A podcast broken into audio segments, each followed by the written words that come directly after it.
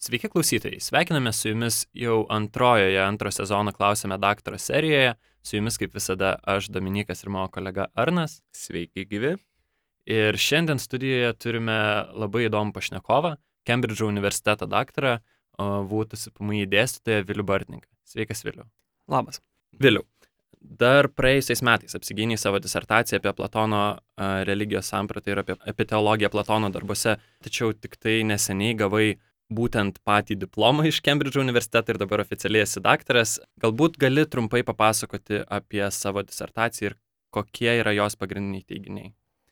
Jo, labai geras klausimas. Norint suprasti, ką, ką aš darau, nes čia visada yra problema, taip sakant, dirbantiems su Platonu, pirmas klausimas yra, ką galim pasakyti, kai čia jau praėjo tiek tūkstančių metų, ar ne, kokia prasme daryti tokius tyrimus. Tai norint suprasti mano temą ar klausimą, reikia tokio trumpo įvado į kontekstą, o kontekstas yra tas kad platonas negyveno laikotarpiu kuris buvo stabilus nuobodus ir taip sakant kažkoks ilgasis amžius ne iškart po jo mirties jo jau mokinių a, gyvenamuoju laikotarpiu jau mes sakome kad prasideda helenizmo laikotarpis ir jis politiškai kultūriškai yra visiškai kitoks negu tai ką mes laikom klasikiniu laikotarpiu nes klasikinis laikotarpis yra polių miestų valstybių laikotarpis Atenos ir Spartos, čia nais yra helenistinių imperijų, kurios susikūrė po e, Aleksandro mirties. Tai politinė prasme visai kitokia santvarka, ar ne? Kitas dalykas yra, kad kultūriškai prasideda labai intensyvus bendravimas tarp skirtingų Azijoje ir Europoje gyvenančių tautų, ar ne, jų maišymasis kultūros sampratų, tradicijų, ar ne kažkokių savokų. Ypatingai be religijos klausimais buvo didžiulis, taip sakant, sinkretizmas, maišymasis skirtingų religinių kultų. Ir trečias dalykas tai yra tas, kad iš tiesų Platono akademija inicijavo šiokią tokią mokslo revoliuciją, ypač matematikoje ir astronomijoje. Jeigu iki Platono mes neturime dar tokių, taip sakant, tikrai moksliškai įdomių pasaulio modelių, visatos modelių, tai Eudoksas yra laikomas pirmuoju tokiu vos netėvu ar ne e, pirmojo tokio tikro mokslinio astronominio modelio, pats modelis yra įkvėptas Platono, jis savo dialogą Timajoje nubrėžia, taip sakant, mokslinės gairias, kaip pasaulis privalo atrodyti pagal proto dėsnius. Ir Eudoksas matematiškai įrodo, kaip stebint planetas mes galime įrodyti, kad planetos juda platoniškai, ne, o ne kažkaip kitaip. Tai e, matome iš tiesų didžiulę mokslinę, kultūrinę ir politinę revoliuciją. Ir mano konkreti tema iš tiesų yra tokia keistoka. Mano tema yra tradicinės religijos klausimas Platono darbuose.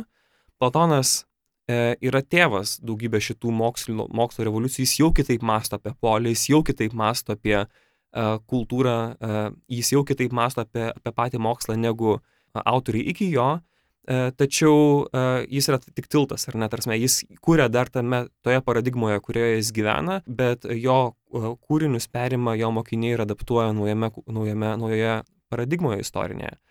Tai mane domina va šitas paskutinė akimirka tos klasikinės kultūros ir būtent religijos klausimų ir aš nagrinėjau, kaip Platonas suvokė religiją ir ar jis bando filosofiškai reformuoti šitą idėją. Ir mano pagrindinis teiginys yra, kad Platono santykis su religija iš esmės yra toksai, koksai yra praktiškai visų graikų santykis su religija. Ji, jis nėra aiškiai apibrieštas. Graikų religija neturėjo jokios sistemos, jinai buvo postmoderni košė. Tenais dėrėjo skirtingi lygmenis, skirtingiausių dievų tapatybių. Buvo žinoma ta didėjai garbingieji Olimpo dievai Dzeusas ir Hera, bet ta Hera, kur yra garbinama, tarkime, Arge arba kitose poliuose, jinai nieko bendro, arba tiksliau, jinai yra visai kitokia negu Homerinė Hera, kuris sėdė Olimpo viršūnėje Ir tai dar kitokia hera yra ta, kurią garbina šeima su savo brosdėliais namuose. Ar ne? Tai tie lygmenys, kokie yra e, festivaliuose, kokie lygmenys yra polio gyvenime, šeimos gyvenime, religiškumas buvo labai labai labai labai painus dalykas. Panašiai kaip e, švenčiausia mergelė Marija tikriausiai yra skirtinga Italijos vienam kaime ir, ir, ir, ir Lietuvoje. Tas net tai yra viena ta pati dievybė, bet neturi skirtingas raiškos formas. Ir šitas dalykas mane domina būtent dėl to, kad, okei, okay, vadinasi, jis yra toks pat kaip visi graikai, jis neturi jokios sistemos, aš dizertacijų įrodinėjau tai, nes iki, to, iki šio laiko buvo manoma, kad Platonas yra racionalistas, ateina įtvirtina racionalią teologiją su labai aiškiai religija. Ne, jis to nedaro, jis yra tipinis graikas. Jis neturi jokios aiškios strategijos, jis nėra nei konservatorius ginantis religiją, jis nėra nei revoliucionierius išrandantis naują religiją, jis nėra nei kritikas kritikuojantis religiją, jis nėra nei skeptikas, kuris sako, aš nežinau, nieko aš negaliu pasakyti apie religiją. Jis yra visą tai vienu metu ir nei vienas iš jų. Jis kai kurios dalykus religijai bando pakeisti, modifikuoti, pritaikyti, apginti, palikti. Iš esmės jis tiesiog bando perkelti seną religiją į tą naują paradigmą, kurią jis pats kūrė, o jis kūrė paradigma, kur yra moksliška religija, mokslinė teologija. Jis sako, tikrieji dievai yra planetos ir žvaigždės, ne Dzeusas ir Hera, ne antropomorfiniai dievai. Jis duoda stiprių kosmologinių argumentų, metafizinių argumentų, rodančių šitų, šitų dievybių statusą, bet jis nori išsaugoti senąją kultūrą ir parodyti, kad mano naujas mokslinis modelis neprieštarauja uh, šitam senajam palikimui. Jis tokią sukuria keistą sintezę, kur kažkas visiškai nederančia dera su kažkuo kitu ir perduoda savo mokiniams toliau tęsti. Man būtų įdomu šiaip pakalbėti apie tai, kad e, tu nagrinėjai vėlyvuosius Platono dialogus, bet man atrodo, mūsų visuomeniai dažnai trūksta kažkiek galbūt to išmanimo apie Platoną ir dažnai būna tas vienintelis kūrinys, kurį visi žino, tai yra Platono valstybė. Net atsimenu, man atrodo, Agnė Gelavičiūtė rašė, kad yra skaičiusi Platono valstybę, nors jai ir nelabai patiko. E, tai kokią vietą tie būtent vėlyvieji dialogai užima visoj Platono kūrinių, nežinau, visam kontekste ir kodėl tu būtent juos pasirinkai nagrinėti? Geras pastebėjimas, iš esmės jis yra nulemtas, taip sakant, na, mūsų santykis Platono yra nulemtas mūsų kultūros ir kultūrinės situacijos. Mes esame jauna tauta su labai jaunu, taip sakant, labai vis dar šviežiu santykiu su vakarų tradicija ir kanonu. Jis dėl įvairių priežasčių pas mus nėra prigijęs ir dabartinėje Lietuvos situacijoje jis ir nėra skatinamas, nes tiesiog e, na, valstybei netrodo vertinga, kad būtų, tarkime, išvertas visas Aristotelis, visas Platonas. Todėl mes, mes nelabai daug to ir žinome ir mes kliaujamės tuo, ko turime ir kiek aš jau esu girdėjęs iš vyresnių studentų, tai jiems iki, iki, iki vėmimo ta valstybė yra a, duodama, nes visur, kur tik įmanoma, filosofijos įvadė, estetikos įvadė, dar kur nors, ar ne, jinai vis, vis atsiranda kitokia forma ir pat reikia iš naujo, iš naujo ją skaityti. Ir dažniausiai jinai yra skaitoma su žmonėmis, kurie nėra profesionalų plano tyrinėtojai, ar ne, jie tiesiog tai paima kaip vieną iš atvejų uh, savo kurse. Tai šitas dalykas yra taisyklė, o vėlyviai dialogai dabar yra, nu kaip čia, ant bangos. Uh, Platono tyrinėjimuose dėl įvairių priežasčių, na, iš tiesų jie yra labai sudėtingi, jie ypač mane labiausiai dominantis dialogas įstatymai, jis yra neužbaigtas plano dialogas, jis prieš mirtį pagal legendą paliko vaško lentelės ir jo sekretorius suredagavo ir išleido tą dialogą. Jis yra labai stilistiškai painus, neįdomus, ten tokie labai tie bairiai, jokeliai, kurie yra sakomi, yra siubingai nejokingi, na, jūs turite įsivaizduoti, prasme, situacija dialogo yra susitinka trys senoliai iš e, trijų skirtingų garsiausių polių ir jie šnekasi, kaip reikia sukurti tobulą visuomenę. Nu ir daug pesimizmo, daug realizmo, daug tokios, taip sakant, saulėlėdžio pagėžos jaunimui, naujoms idėjoms, revoliucijoms ir panašiai. Ir klausimas yra, kaip užkonservuoti viską iki negalėjimo, ar ne? Tai va tokia situacija dialogo ir dėl to galbūt žmonės nelabai jo ir skaitė, nes jis tiesiog nėra kviečiantis tave skaityti. O man jis pasirodė įdomus, nes, nes būtent šitas dialogas, istoriškai žvelgiant, kartu su dar porą dialogų yra tas tiltas, nes bent jau kaip mes žinome, um, šitie, šitie vėlyviai ideologai padarė milžinišką įtaką. Žinoma, centras išlieka valstybė, išlieka, išlieka Faidonas, tai ką mes turim ir lietuviškai, tai buvo tokio to platoniškojo mokymo e, epicentre, bet šitie dialogai padarė didžiausią tą tiesioginę įtaką pirmąjai mokinių kartai Platono ir mane tas buvo, mane nuo pat pradžių tai domino, kas ten tokio yra, kad jie buvo um, taip, uh, taip nuosekliai ir didžiai skaitomi.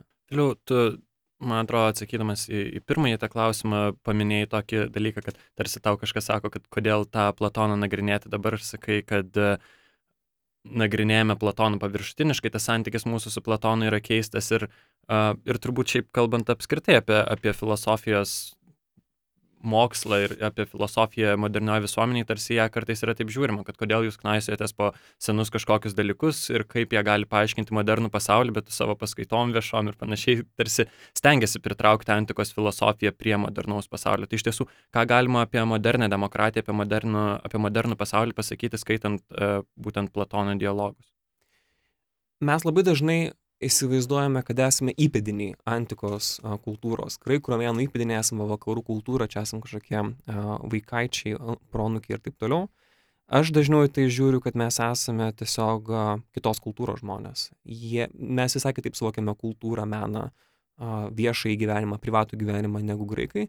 Ir man, man iš tiesų tai e, tas užsiemimas, tyrinėjimas yra labiau ne, ne vien tik tais tam tikrų formų, mąstymo formų, kultūrinių formų išlikimo klausimas, vat, kas yra tarp mūsų panašaus, bet ir susvetimėjimo, ar net tai yra, tai yra būdas uh, pamatyti savo praktikas kaip kažkokias tikrai unikalias santykėje su vat, labai gerai dokumentuotomis uh, antikos pasaulio praktikomis. Tai kai aš dėstau uh, antikos uh, politinę teoriją, uh, arba Platoną, tai šitas, šie abu du momentai man yra labai svarbus. Man yra svarbu uh, užakcentuoti ten, kur esame tokio idėjinio testinumo, bet Lietuvoje, aš manau, yra per dažnai, per dažnai pabrėžiamas testinumas, kuris, na, iš tiesų jis yra labiau dirbtinis, jis yra įsivaizduojamas, uh, ne, ne, negu iš tiesų toksai stiprus, tikras ir, ir nenutrūkstantis. Tai, tai čia yra vienas momentas. O kitas momentas, aš manau, kad, na, Platonas vėlgi, aš jį žiūriu a, ne tiek į kažkokią, kaip čia pasakius, kaip galima modelį suprasti arba kaip pagalba įrankį suprasti mūsų problemas, bet veikiau kaip um, galimybę leistis į įdomius uh, mąstymo eksperimentus, ne? Nes čia yra, čia yra kartais iš tiesų mūsų problema, norint su, suprasti, suprasti kažkokį labai rimtą klausimą, yra ta, kad mes nesugebame išlipti iš savo paradigmos, ar ne? Mes esame tarsi įkalinti savo savokų, esame įkalinti savo uh, savo autorių, su kuriais mes dirbame, žodyno, kažkokių tipinių argumentų, uh, savo pozicijų, mes, kurios yra nulemtos kažkokiu tokiu, taip vadinamo, backgroundo informacijos, ar ne iš kur to ateini. Bet šitoje vietoje man atrodo, kad Platonas padeda susvetimėti dar šitų būdų, kad tu staiga, taip sakant, nu, įjungi eksperimentą, kuris, kuris tau tiesiog verčia iššokti iš savo šiltnamio ne, ir, ir, ir pasižiūrėti netikėtai į save. Tai konkrečiai mano tyrinėjimuose man labai, pavyzdžiui, buvo ilgą laiką įdomu, kaip Platonas suvokia politinį veiksmą, tai yra kaip jis įsivaizduoja, ką mes veikiame politikoje, ką mes turime veikti ir kokios yra tos koordinatės veikimo, kokios yra praktikos veikimo. O šiuo metu šalia, šalia religijos ir politikos santykio, kuris man yra labai svarbus ir kurį aš mėginu suprasti, mano toksai naujesnė įstra, kurią po truputį mėginu vystyti, tai yra mėginimas suprasti, kaip e, Platonas suvokia, kas yra nuosaikus pilietis, nuosaikios politinės pozicijos.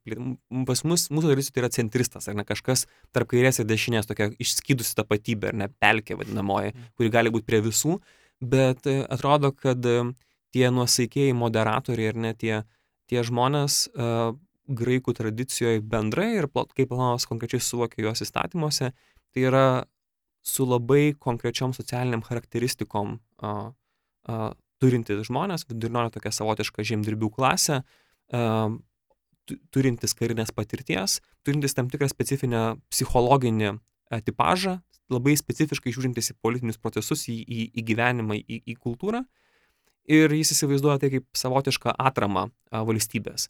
Na nu, ir žinoma, galima čia būtų sakyti, nu tai jis konservatorius, aišku, kaip, kaip, kaip kitaip, ta prasme, a, taigi žemdirbiai, čia, čia žinoma, tai konservatorius gali sugalvoti, kad čia turi būti centristų, taip sakant, a, bazė, Bet čia aš sakau, va būtent, tai jau patekai tuomet, taip sakydamas, į savo šiuolaikybės pastus, nes tu jau žiūri iš, iš šiuolaikinės perspektyvos. Ir man dabar yra įdomu atsekti, kaip ta nuosaikumo ideologija formavosi debatuose tarp įvairių politinių pozicijų ir kaip galų gale tai tapo tokia nuoseklė doktrina vėlyvojoje Platono mintyje, bet čia už sakau, aš visiškai šokstu iš savo disertacijos, nes tai yra dalykas, kurį aš norėčiau ateityje tirnėti. Gerai, dar tada grįžtant prie disertacijos ir prie būtent religijos klausimo, ar ne?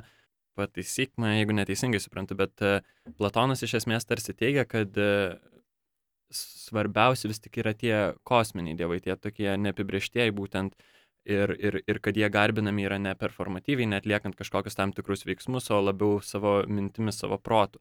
E, kita vertus, tai reiškia ir, kad politika yra toks tarsi antrinis kaip ir veiksmas, kuris na, tarsi e, labiau susijęs su būtent jau tais e, tradiciniais dievais, ar ne?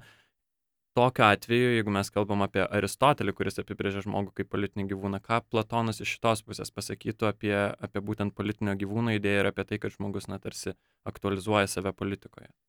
Kai mes kalbam apie Platono religiją, mes galime, taip sakant, išskirti du tokius lygmenius, ar ne? Ir taip, pradžiai kalbant apskritai apie graikų religiją, reikia vieną dalyką suprasti, kad graikai religiją suvokia visai kitaip negu krikščioniška tradicija suvokia. Krikščioniška tradicija labai daug akcentuoja vidujybės, tas patirtis, ar ne? Tai yra tavo santykis, asmeninis santykis su Dievu, tavo pamaldumas vidinis, tavo mintis, tavo intencijos ir, ir, ir panašus dalykai. Uh, tarpu graikų pasaulyje taip nėra, visiems yra atvirai šnekant nusispjaut, ką tu ten galvoji apie tos dievus, bet tu turi juos viešai vartoti. Ne, yra, yra labai geras konsumerizmas, tu turi dalyvauti šventėse, melstis ir tokiu būdu tai tavo pamaldumas yra išreiškiamas. Tai čia yra tokia, na, aš išaržuoju, čia biškai su karikatūrinu, bet iš esmės yra va, tokia, tokia vizija religijos.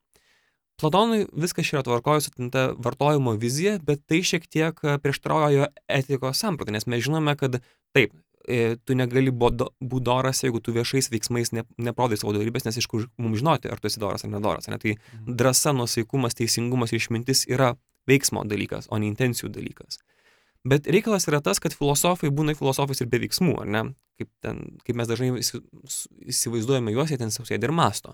Vadinasi, tai yra kažkokio vidinio pasaulio dalykas. Ir dar daugiau, kai jeigu, jeigu planetos ir žvaigždės yra dievai, o jis savo, kad yra dievai, dėl labai paprasto argumento, tai yra, kad jam, jam dieviškumas yra sielos dalykas, o siela yra gyvybės, judėjimo ir mąstymo tokia triada.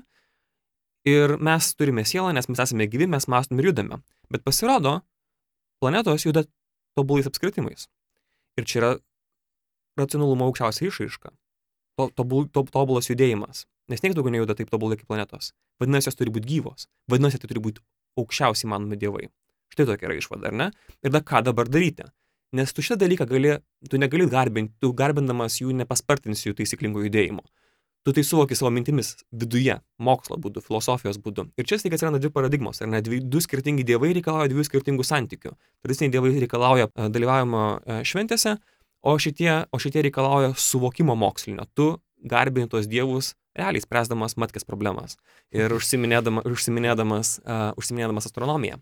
Tai jis sako, viskas čia tvarkoja. Iš tiesų tiesiog yra taip, kad jis bando šiek tiek paaiškinti, kodėl tradicinė religija mums gali prisidėti prie mūsų taip pat uh, gero gyvenimo. Jis aiškina, kad iš tiesų tai tradiciniai dievai įkūnyje žemesnėsias darybės, arėjas, atėjai yra drąsos įsikūnymai, Tuo tarpu uh, Apolonas yra savitvardos, vadinasi, kai mes būname, bandome būti drąsus, mes turime būti drąsus kaip Atenė. Ne? Tai jinai yra mūsų role model, jinai yra mūsų, vat, uh, ar ne, supermenas, mes turime į ją lygiuotis. Tuo tarpu, kai mes norime, tie, kas iš mūsų yra, ne va, jo požiūrių elitas, kas gali daugiau intelektualinių pajėgumų įmesti šitą e, savęs tobulinimo projektą, jie turi suvokti, kad už tų dievų yra dar aukštesni dievai. Tai vadinasi, tie kosminiai dievai, kuriuos tu analizuodamas, tu realiai tampi pamaldesnis, nes nes tu tiesiog suvoki gamtos pasaulio, pasaulio tvarką.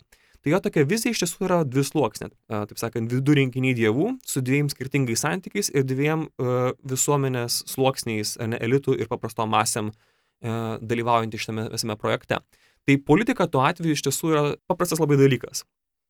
Politika kaip ir liko politika yra polio dalykas, ten dalyvauja, ten dalyvauja visa, visa liaudės uh, paprastų žmonių kartu su tuo elitu. Uh, jis mano, kad jis, ne, jis nemano jau kaip valstybėje, kad ten karaliai filosofai turi valdyti iš savo aukšto kalno ir nurodinėti visiems, kaip visi turi gyventi. Ne. Turi būti bendras gyvenimas, turi, e, turi būti iš tiesų, jis panašiai kaip Aristotelis, ar veikiau Aristotelis panašiai kaip Platonas, sako, kad iš tiesų turi būti tai visų žmonių reikalas, ne demokratinis, bet visų žmonių reikalas. Tačiau tikslas yra, kad elitas suprastų paprastus žmonės, paprasti žmonės vestų elitą. Todėl jis e, kalba labai daug apie tai, kaip elitas turi dalyvauti toje tame bendruomenės gyvenime, kad jis būtų integralus, kad jie galėtų savo, savo patarimais, savo intelektualiniais pajėgumais ir savo vertybėmis kreipti uh, tų masių gyvenimą tobulose miestuose, o masė savo ruoštų turi uh, savo viduriniajame ugdymėse gauti šiek tiek matematikos, astronomijos pamokų, kad jiems elito užsiemimai netrodytų ezoteriški. Kitaip tariant, realiai taip kaip yra pas mumis atvirai šnekant, iš mūsų niekas nieko negali pasakyti tikro apie fiziką, kas yra praėję mokyklą, ne? Mes žinom pasakėlės fizikos. Bet nu, mes gaunam didžiulę pagarbos dozę fizikams, matematikams ir mhm. panašiems mokslininkams. Ir dėl to jų užsimimai mums atrodo kaip labai vertingi ir labai, taip sakant, socialiai prestižiški. Tai realiai mano ambicija yra, yra panaši. Tiesiog padaryti tokį edukacinį projektą, kuriame abu visuomenės sluoksniai vienas kitą suprastų.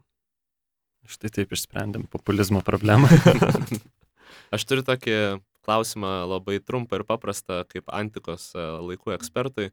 Tai vis tik Heraklis ar Ksena? Viešpate, e, tikrai, tikrai, tikrai, tikrai ne antroji su savo visų fiktyvumu. Pirmasis man niekad, mane niekad nežavėjo raumenų kalnai, kurie sprendžia savo problemas a, didžiulės jėgos a, būdu. Aš visą laiką buvau, kai buvau mažas, aš buvau Atenės a, gerbėjas, a, nes man, man patinka Nišinis variantas. E, tai, tai jo, tai ne- nėra herojus, o tai jau yra dievybė, nes man patinka racionaliai, dispon, e, taip sakant, dislokuojama jėga, ar ne? Ir man nieko nėra gražiau kaip ta, ta, ta eilutė um, e, Iliadoje, kur Arėjas sukaupė visą ten tą savo didžiulę karinę jėgą, jis, nu, jūs suprantate, ten e, trojenai su Ahajais mušasi, bet mušasi ir dievai tarpusavėje. Ir žodžiu, sukaupė visą tą savo jėgą, jis puls ant, ant, ant Atenės ir Atenė tiesiog, bet su įniršiu, ar ne? O jinai, o jinai nors tiek jėgos neturi, jinai stebi, kur yra silpnoji vieta ir švelniai su jėtimi prapjauna jam koją ir jis kaip mažas vaikas apsiverkia, klydamas iš baimės ir įsiskaudina, kad čia taip blogai jam padarė ir bėga skūstis. Tai, tai vat, vat, nuo, nuo, nuo pat mažumės mane žavėjo va tokie maži dalykai, Underdog story. kur jo, kur jinai vis dėlto yra labai svarbi, bet, bet kur, kur šaunumas pasimato per tokius akcentus, ar ne? O dabar mane iš tiesų iš tų visų graikiškų herojų ir dievybių, vėlgi mane herojai kažkodėl niekada ne, ne, nežavėjo, nes nu, graikų herojų būti iš tiesų yra labai nefaina. Tu turi labai kentėti, prarasti ir tada tu pakilsi į, į tą išrinktųjų statusą. Dėl to tas visa kelionė yra iš tiesų, na, nai- n- neatsiperka. Achilas iš tiesų yra geriausias pavyzdys to, kas yra visiems herojams būdinga, ar ne? Jis sako, arba aš turiu mirti dabar jaunas būdamas prieš tas sienas ir visi mane prisimins, arba laimingai nugyventi ir niekas manęs neprisimins.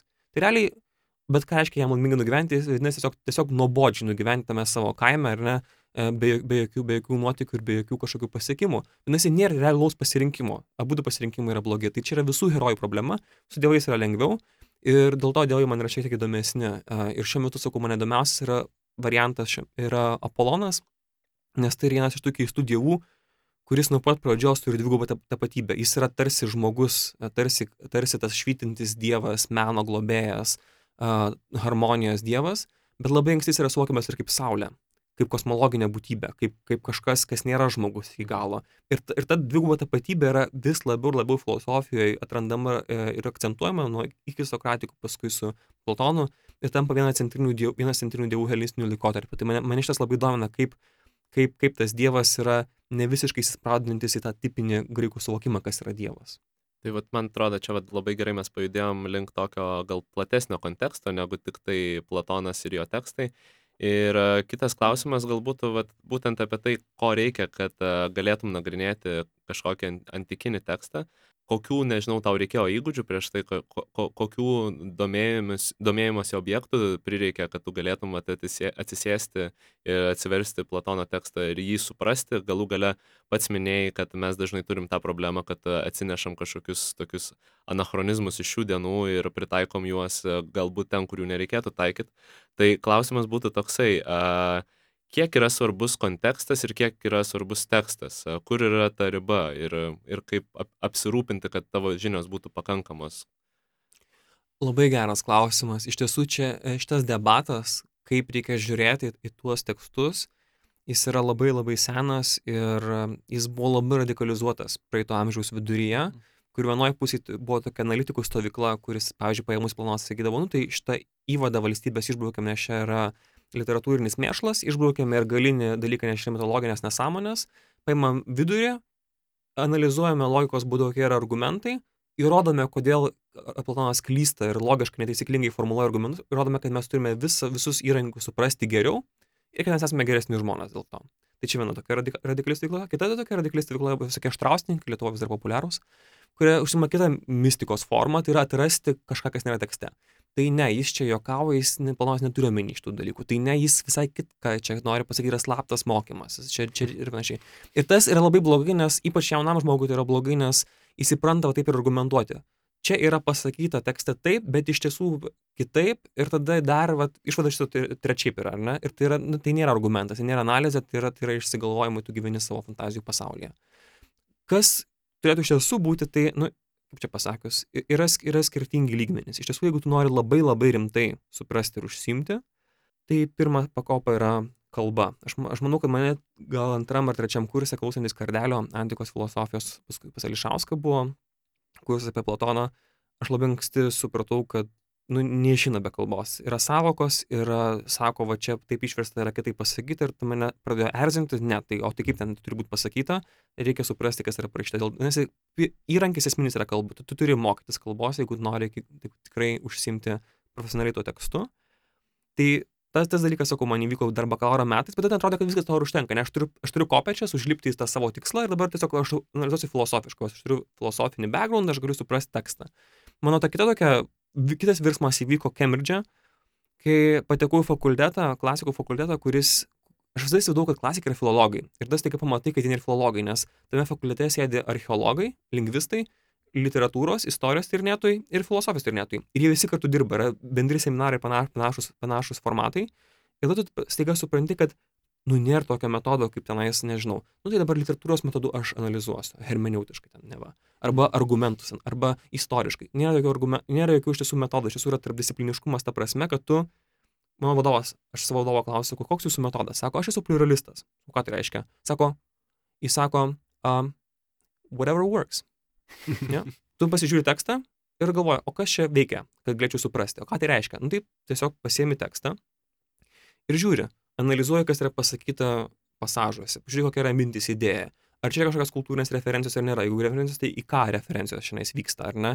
Ar, kaž, ar, ar, ar mūsų kalbos suvokimas nulėmė argumentą? Ar vis dėlto yra pakankamai išvari kalba ir nekontroversiška, kad galima būtų labai paprastai suvokti tą argumentą ir panašiai. Vadinasi, viskas vyksta vienu metu. Bet tam, kad tu tą tokį holistinį vaizdą matytumai, reikia praleisti šiek tiek laiko ir su literatais, ir su lingvistais, ir su istorikais, ir su filosofais, kad tu pradėtumai mokėti įjungti visas, visus keturis garvežius vienu metu, kai tu prieini prie to teksto. Ir tada tu nebe, nebepozicionuoji savęs vienoje vietoje, tu tarsi esi su visais, tu, tau visi yra myli ir, ir suprantami, nes iš tiesų, kai tu skaitai, ką daro, pavyzdžiui, politikos istorijos tyrinėtojai antikos laikotarpio, ką daro uh, literatūros, tai yra nu, poezijos dažniausiai tyrinėtojai ir ką daro filosofijos, jie daro šiek tiek kitokius dalykus akcentų prasme, bet jų metodas, ypač Cambridge mokyklos metodas yra tas pats. Tai yra tu tiesiog tu bandai suvokti viską. Tai čia kažkiek viskas stovi galbūt ant Skinnerio Kvintino idėjų, tas, nes tas visas tarpdiscipliniškumas, skirtingų, nežinau, žmonių Oh. suvokimas. It's the other way round. Nes iš tiesų viskas stovi ant klasikų. Kodėl? Nes Skinneris nusižiūrėjo, ką klasikai daro Nice. Cambridge'e Mhm. ir pritaikė tą patį dalyką, pritaikė tą patį dalyką politinių idėjų istorijai. Mhm. O iš kur klasikai nusižiūrėjo? Nu, iš kur, iš kur? Iš biblinės egzegezės. Taip yra daroma biblinė egzegezė. Tarsi, nu, okei, okay, tenais yra kažkokios teologinės idėjos, bet taip pat tu žiūri į kalbą, taip pat tu žiūri į kultūrinius kontekstus, ar ne? Nu, tai vadinasi, viskas pasaulyje yra kaip ir buvo, sena, nu, nieko buvo. Taip, bet, bet šitas dalykas, kaip čia, Skinneris, aišku, yra irgi šiek tiek tokia radikali forma, jis, jis taip yra pavertęs šiek tiek religiją iš savo, iš savo, iš savo metodo, bet iš esmės, jeigu taip proto ribose tai, tai, tai darant, tai yra, tai nėra joks argumentas. Man kartais nori sakyti studen- studentui, kuris va, tokių dalykų užsima, tu parašyk įvadę, kad aš užsimu sveiko proto, sveiko proto metodu savo darbę, kad aš sveiko proto būdu skaitysiu tekstą. Nes tai yra sveikas protas, tu tiesiog darai tai, ką tekstas reikalauja. Tai yra sunku pasakyti, kai ypač, kai, kai tave vertina žmonės, kurie nėra profesionalai, kurie, ta- kurie labai ten aukština, pavyzdžiui, ten tą gilėją filosofiją, kad ten turi viskas būti labai gilu, labai ten turi viskas būti filosofiška ir ten tik apie idėjas, bet, bet specialistai, kurie, na, žino, kaip yra sunku suvokti idėją atsietai nuo konteksto, nuo, nuo, nuo, nuo, nuo to laikotarpio, nuo, nuo diskusijos, kuri vyko apie tai, supra, na, kitaip tave vertins. Dėl to bent jau aš savo, vat, e, dar aš neturiu labai daug tų žmonių, kurie pas mane kažką rašytų, bet vieną kitą jau turiu, tai aš nuo pat pradžių sakau, kad, na, reikia iškart šokti į tą, į tą balną, nes, nes tai tiesiog padės, in the end, galų gale tai padės geriau suprasti Taip, dalykus. vat aš apie tą balną irgi norėjau paklausti. Iš tikrųjų, aš atsimenu, man atrodo, rudenį buvo, jo, be- berots rudenį mačiau dalinaisi, kad lyg ir tavo fakultetas kažką buvo pasiš... pasidalinęs apie tai, kad išėjo Assassin's Creed Odyssey žaidimas ir kad uh, vat, tiesiog pagalvojau, kad tai yra galbūt tas pavyzdys, kaip mes turim tokį uh, turbūt gana išsamų uh, darbą atliktą, bandant perkelti kažkokį vieną laikotarpį į populiariojo kultūrą. Tai uh, nežinau, kaip pats vertini ten, tarkim, kad ir šį konkretų atvejį ir, ir kokių galėtum parekomenduoti žmonėm vat, uh, balnų tam tikrų, kurių galėtum pradėti domėtis tiesiog tuo visų kontek- kontekstu, kuris padėtų geriau suprasti pačius kūrinius. Oi, tai aš, aš esu didelis fanas e, žaidimų, ta prasme, mano, mano visa, visa, visa vaikystė yra. Total- Kalbėkime rekomendacijomis. Rome, Total War, uh, Age of Mythology ir panašus dalykai, tai yra visas, visiškai mano visos Klasika. valandos po mokyklos, kur buvo sakoma, kad tai bus beprasmiška, bet va. Aš pasirodė, ne, ne, ne visiškai beprasmiška. Ir noriu pasakyti, pavyzdžiui, labai konkrečiais pavyzdžiais. Nu, tarkime, buvo seminaras su, vėlgi, aš neturiu ten labai didžiulio santykio su istorikais, aš ne, nesu istorikas, ta prasme, kad aš, aš tiek giliai nesuprantu tų tyrimų, kaip, kaip jie juos daro. Man tai įdomu kontekstui, bet aš, aš pats negalėčiau ten užsimėti tyr, tyrinėjimais tokių inskripcijų. Bet, bet konkrečiai kalbant, buvo seminaras apie, ap- apie antikinę karybą, ten konkrečius mūšius analizavo. Ir kai kalbėjo apie technikas karių, aš jas puikiai įsivaizdavau, nes aš prisimenu, kaip žaidži Rome Total. War ir tu žaidži simulaciją, tu žaidži be- net Mhm. visai tikrą simulaciją ir tu matai, kaip sudėtinga yra, kaip, e, taip sakant, e, mobilizuotos karius taisyklingai išdėlioti, ar ne, kas veikia, kas neveikia, kokie ginklai prieš kokius ginklus veikia. Ir tai yra, na, gera praktika išmėginti tas savo žinias. Tai tokie va, žai- žaidimai gali iliustruoti tam, tam, tam tikras idėjas. E, Tas pats Age of Mythology labai įdomiai iliustruoja visą, taip sakant, vizualiką a, gyvybių, kaip jos yra reprezentuojamos, kokie yra simboliai vei- veikimo sferos ir panašiai.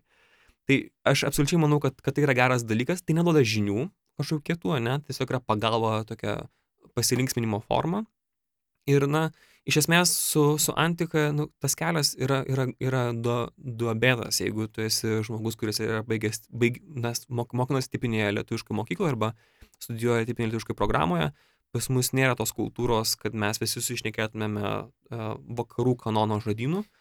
Uh, ir dėl to galbūt nėra to vieno vienintelio kelio, kaip nueiti, nes iš tiesų, kadangi nėra, nėra būdo visiems panašiai patirti, vadinasi, tai yra labai individu, individualūs, individualūs patyrimai, vieni ateina per kažkokius žaidimus, kiti per romanus, treti nuo pat mažens dė- domisi senosiomis kultūromis, kiti tokie kaip aš atranda tai gana netikėtai. Pas mane filosofija atėjo tiesiog Platono forma, per pokalbį su draugais, kurie buvo vyresni ir kurie tai jau buvo patyrę sako, pamėgink, tau patiks. Ir va, pamėginau, patiko. Tai, tai, tai iš tiesų tai nėra to, to, to būdo ir yra sunku kažką pat, patarti, nes iš tiesų, nes iš tiesų mes, mes, sakau, esame labai tokie uh, neturintys krypties. Bet aš ką tikrai ma- manyčiau, kas yra svarbu, ypač pa- jauniems žmonėms, kurie dar nieko nėra turėję, jie tik tais pradės įti studijuoti, arba tie, kurie jau studijuoja, ir, ir tai jiems tikriausiai svarbiausia yra tiesiog rasti laiko nueiti ir paklausyti papildomai, ar ne kažkokiuose klubuose, klasikų klubas yra toksai, toksai, toksai renginių ciklas moksleiviams, mes turime klasikų akademiją, kur, kur žmonės gali tiesiog lankyti užsimimus ir paklausyti ir dažniausiai taip ir būna ateina žmonės, pavyzdžiui, mūsų daug, kas, daug, moksleivių ateinančių į klasikų akademiją net nėra būsimi klasikai. Ateina žmonės, kurie nori baldų inžineriją, pavyzdžiui, studijuoti. Bet jie galvoja, kad tai yra paskutinė proga prieš mokyklą dar įgyti papildomų žinių ir aš manau, kad šitas formatas, savišvietos formatas uh, visais įmanomais lygmenimis ir net suaugusiu, ar ne, tas uh, lifelong learning jis turi įgyti, nes tiesiog tai yra vertingas dalykas visą vet naujinti ir atšviežinti įvairiom formom. Gerai, tai galbūt pabaigai a, aš turiu tokį vėlgi klausimą pamodeliavimui. Ar ne, tarsi tuos tradicinius dievus a, antikoje garbindavom olimpiniam žaidynėm, ar ne, perėjo ir dabar klausimas, ar tą patį reiškia. Kaip atrodytų kosminių dievų garbinimas žaidinių formatu? Ir, Matematikos olimpiada kengūra. Matematikos olimpija, ar jo, ar kengūra yra olimpinės žaidynės kosminiam dievam? Geras labai klausimas, nes, nes klausimas yra kontroversiškas ta prasme, kad mes, mes yra ne, ne viena samprata, kaip, kaip mes įsivaizduojame, ką garbinimo formą mes duodame. Viena radikalia forma, ir Platonas labai tai kritikuoja, garbinimas, ir manau, kad graikai tipiškai taip ir įsivaizdavo, beje, aš nemanau, kad e, religingi žmonės įsivaizduoja šiandien kažkaip labai jau kitaip, kad tai iš esmės yra papirkinėjimo forma. A, tu maldomis papirkinėjai, papirkinėjai dievus, ar ne? Tu kažko užsiprašai, pažadai padaryti kažką, tai tokia mainai, ar ne? Ir, ir labai subtiliai tai interpretuojant e, dalies tokių postmodernių istorikų, kvazi filosofų, interpretuoja lygiai taip pat ir, ir graikiškas olimpinės žaidynės, lygiai taip pat e, interpretuoja šiuolaikinės žaidynės, kur e, žaidėjai aukoja savo kūną, aukoja savo fizinės jėgas iki skausmo, ar ne? E, Iki, iki, netgi, buvo, netgi yra rod- įrodinėjama, kad bėgimas beje yra viena, vienas seniausių uh, formų, viena pirmųjų netgi tų formų, kurios nuo pat pradžių uh, olimpinės žaidynėse vykdavo. Olimpinės beje buvo vienas iš kelių žaidynės, tai tikrai nebuvo vienintelės, tai buvo prestižiškiausia, bet buvo daugybė žaidinių. Mhm. Klasikiniu laikotarpiu, Romos laikotarpiu, tai jų tokių didžiųjų buvo gal 8, netgi 10.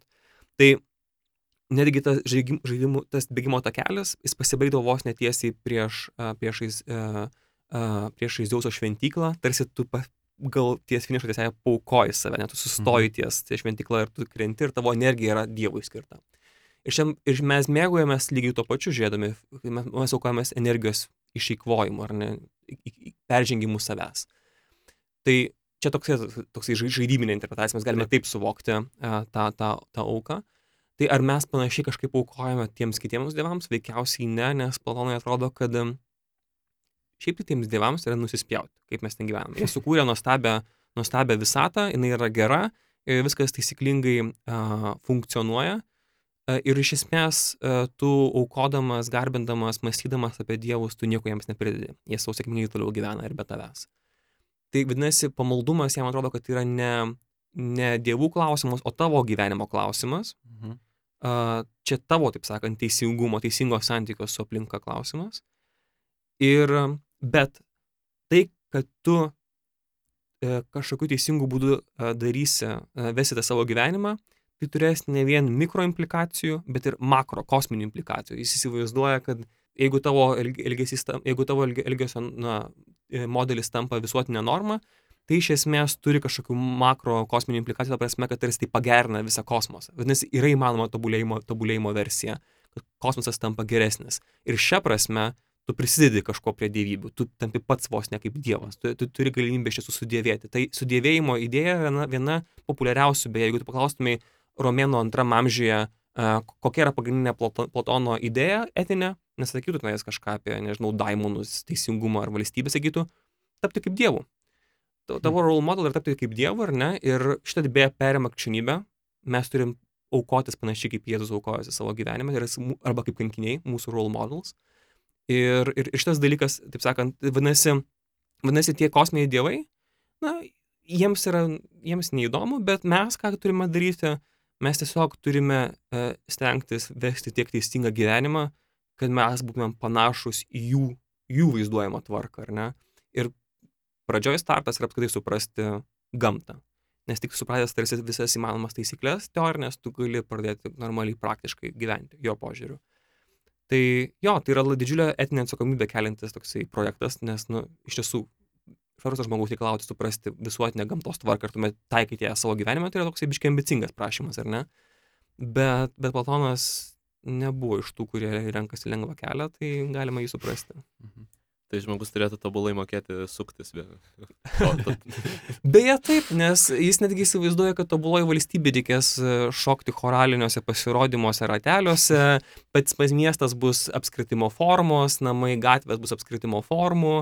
Žodžiu, viskas ten bus tobulai turės reprezentuoti kosmosą, nes tiesiog, nes, nes šiaip jau, jis, beje, jis sako, o tai gerai, žiūrėkit, populiariausia, uh, populiariausia uh, teorija, kaip mes mąstome antikos laikotarpiu, buvo kardiocentrinė. Arba Aristotelis yra kardiocentristas. Tai yra, mes mąstome širdimi ir kraujagyslėmis keliauja mintis. Natūralu, nes širdį išpjauni žmogus miršta, nebemasto. Labai viskas tvarkoja. Toksai empirinis įrodymas. Platonas sako, taip negali būti, privalo būti galvoj, smegenyse. Protas. Kodėl? Nes jinai yra apvaliausia mūsų dalis. jokių empirinių stebėjimų, jokių empirinių, nu, jie, neišmanė nervų sistemos, ar ne? jokių, jokių, jokių, šitų, e, jokių, jokių įrodymų e, ir, ir kitų dalykų. Bet e, kaip rodoma, dedukuojant, taip sakant, yra galva, jinai apvali kaip planeta, labai gerai. Kodėl jinai ne visiškai apvali? Na, dėl to, kad būtų apsauginė forma geresnės, jeigu būtų apskritimas besirutuliojantis ant žemės žmogus, ta prasme. Nu, tai žinote, akmenukai, medžiai, upės blogai baigtųsi tai galvai. Saimas dėl to įdėjo į tokią gynybinę sistemą, kuri padeda tam apvalam dalykui funkcionuoti, bet iš esmės, kadangi kad mintis, kad apskritimais keliauti galvoj jeigu jos yra teisingos. Kągi, ačiū vėliau už šitą įdomų pokalbį. Man atrodo, sužinom šiek tiek daugiau ne tik apie Platono valstybę, e, išėjome už jos rėmų. Ir kviečiame mus sekti VUTSAPMI Facebook'o puslapyje, taip pat klausyti mus per Spotify, iTunes, e, Spreaker ir begalę kitų platformų, kas kam patogu. Su jumis buvo klausėme daktaro. Iki kitų susitikimų. Ačiū. Iki.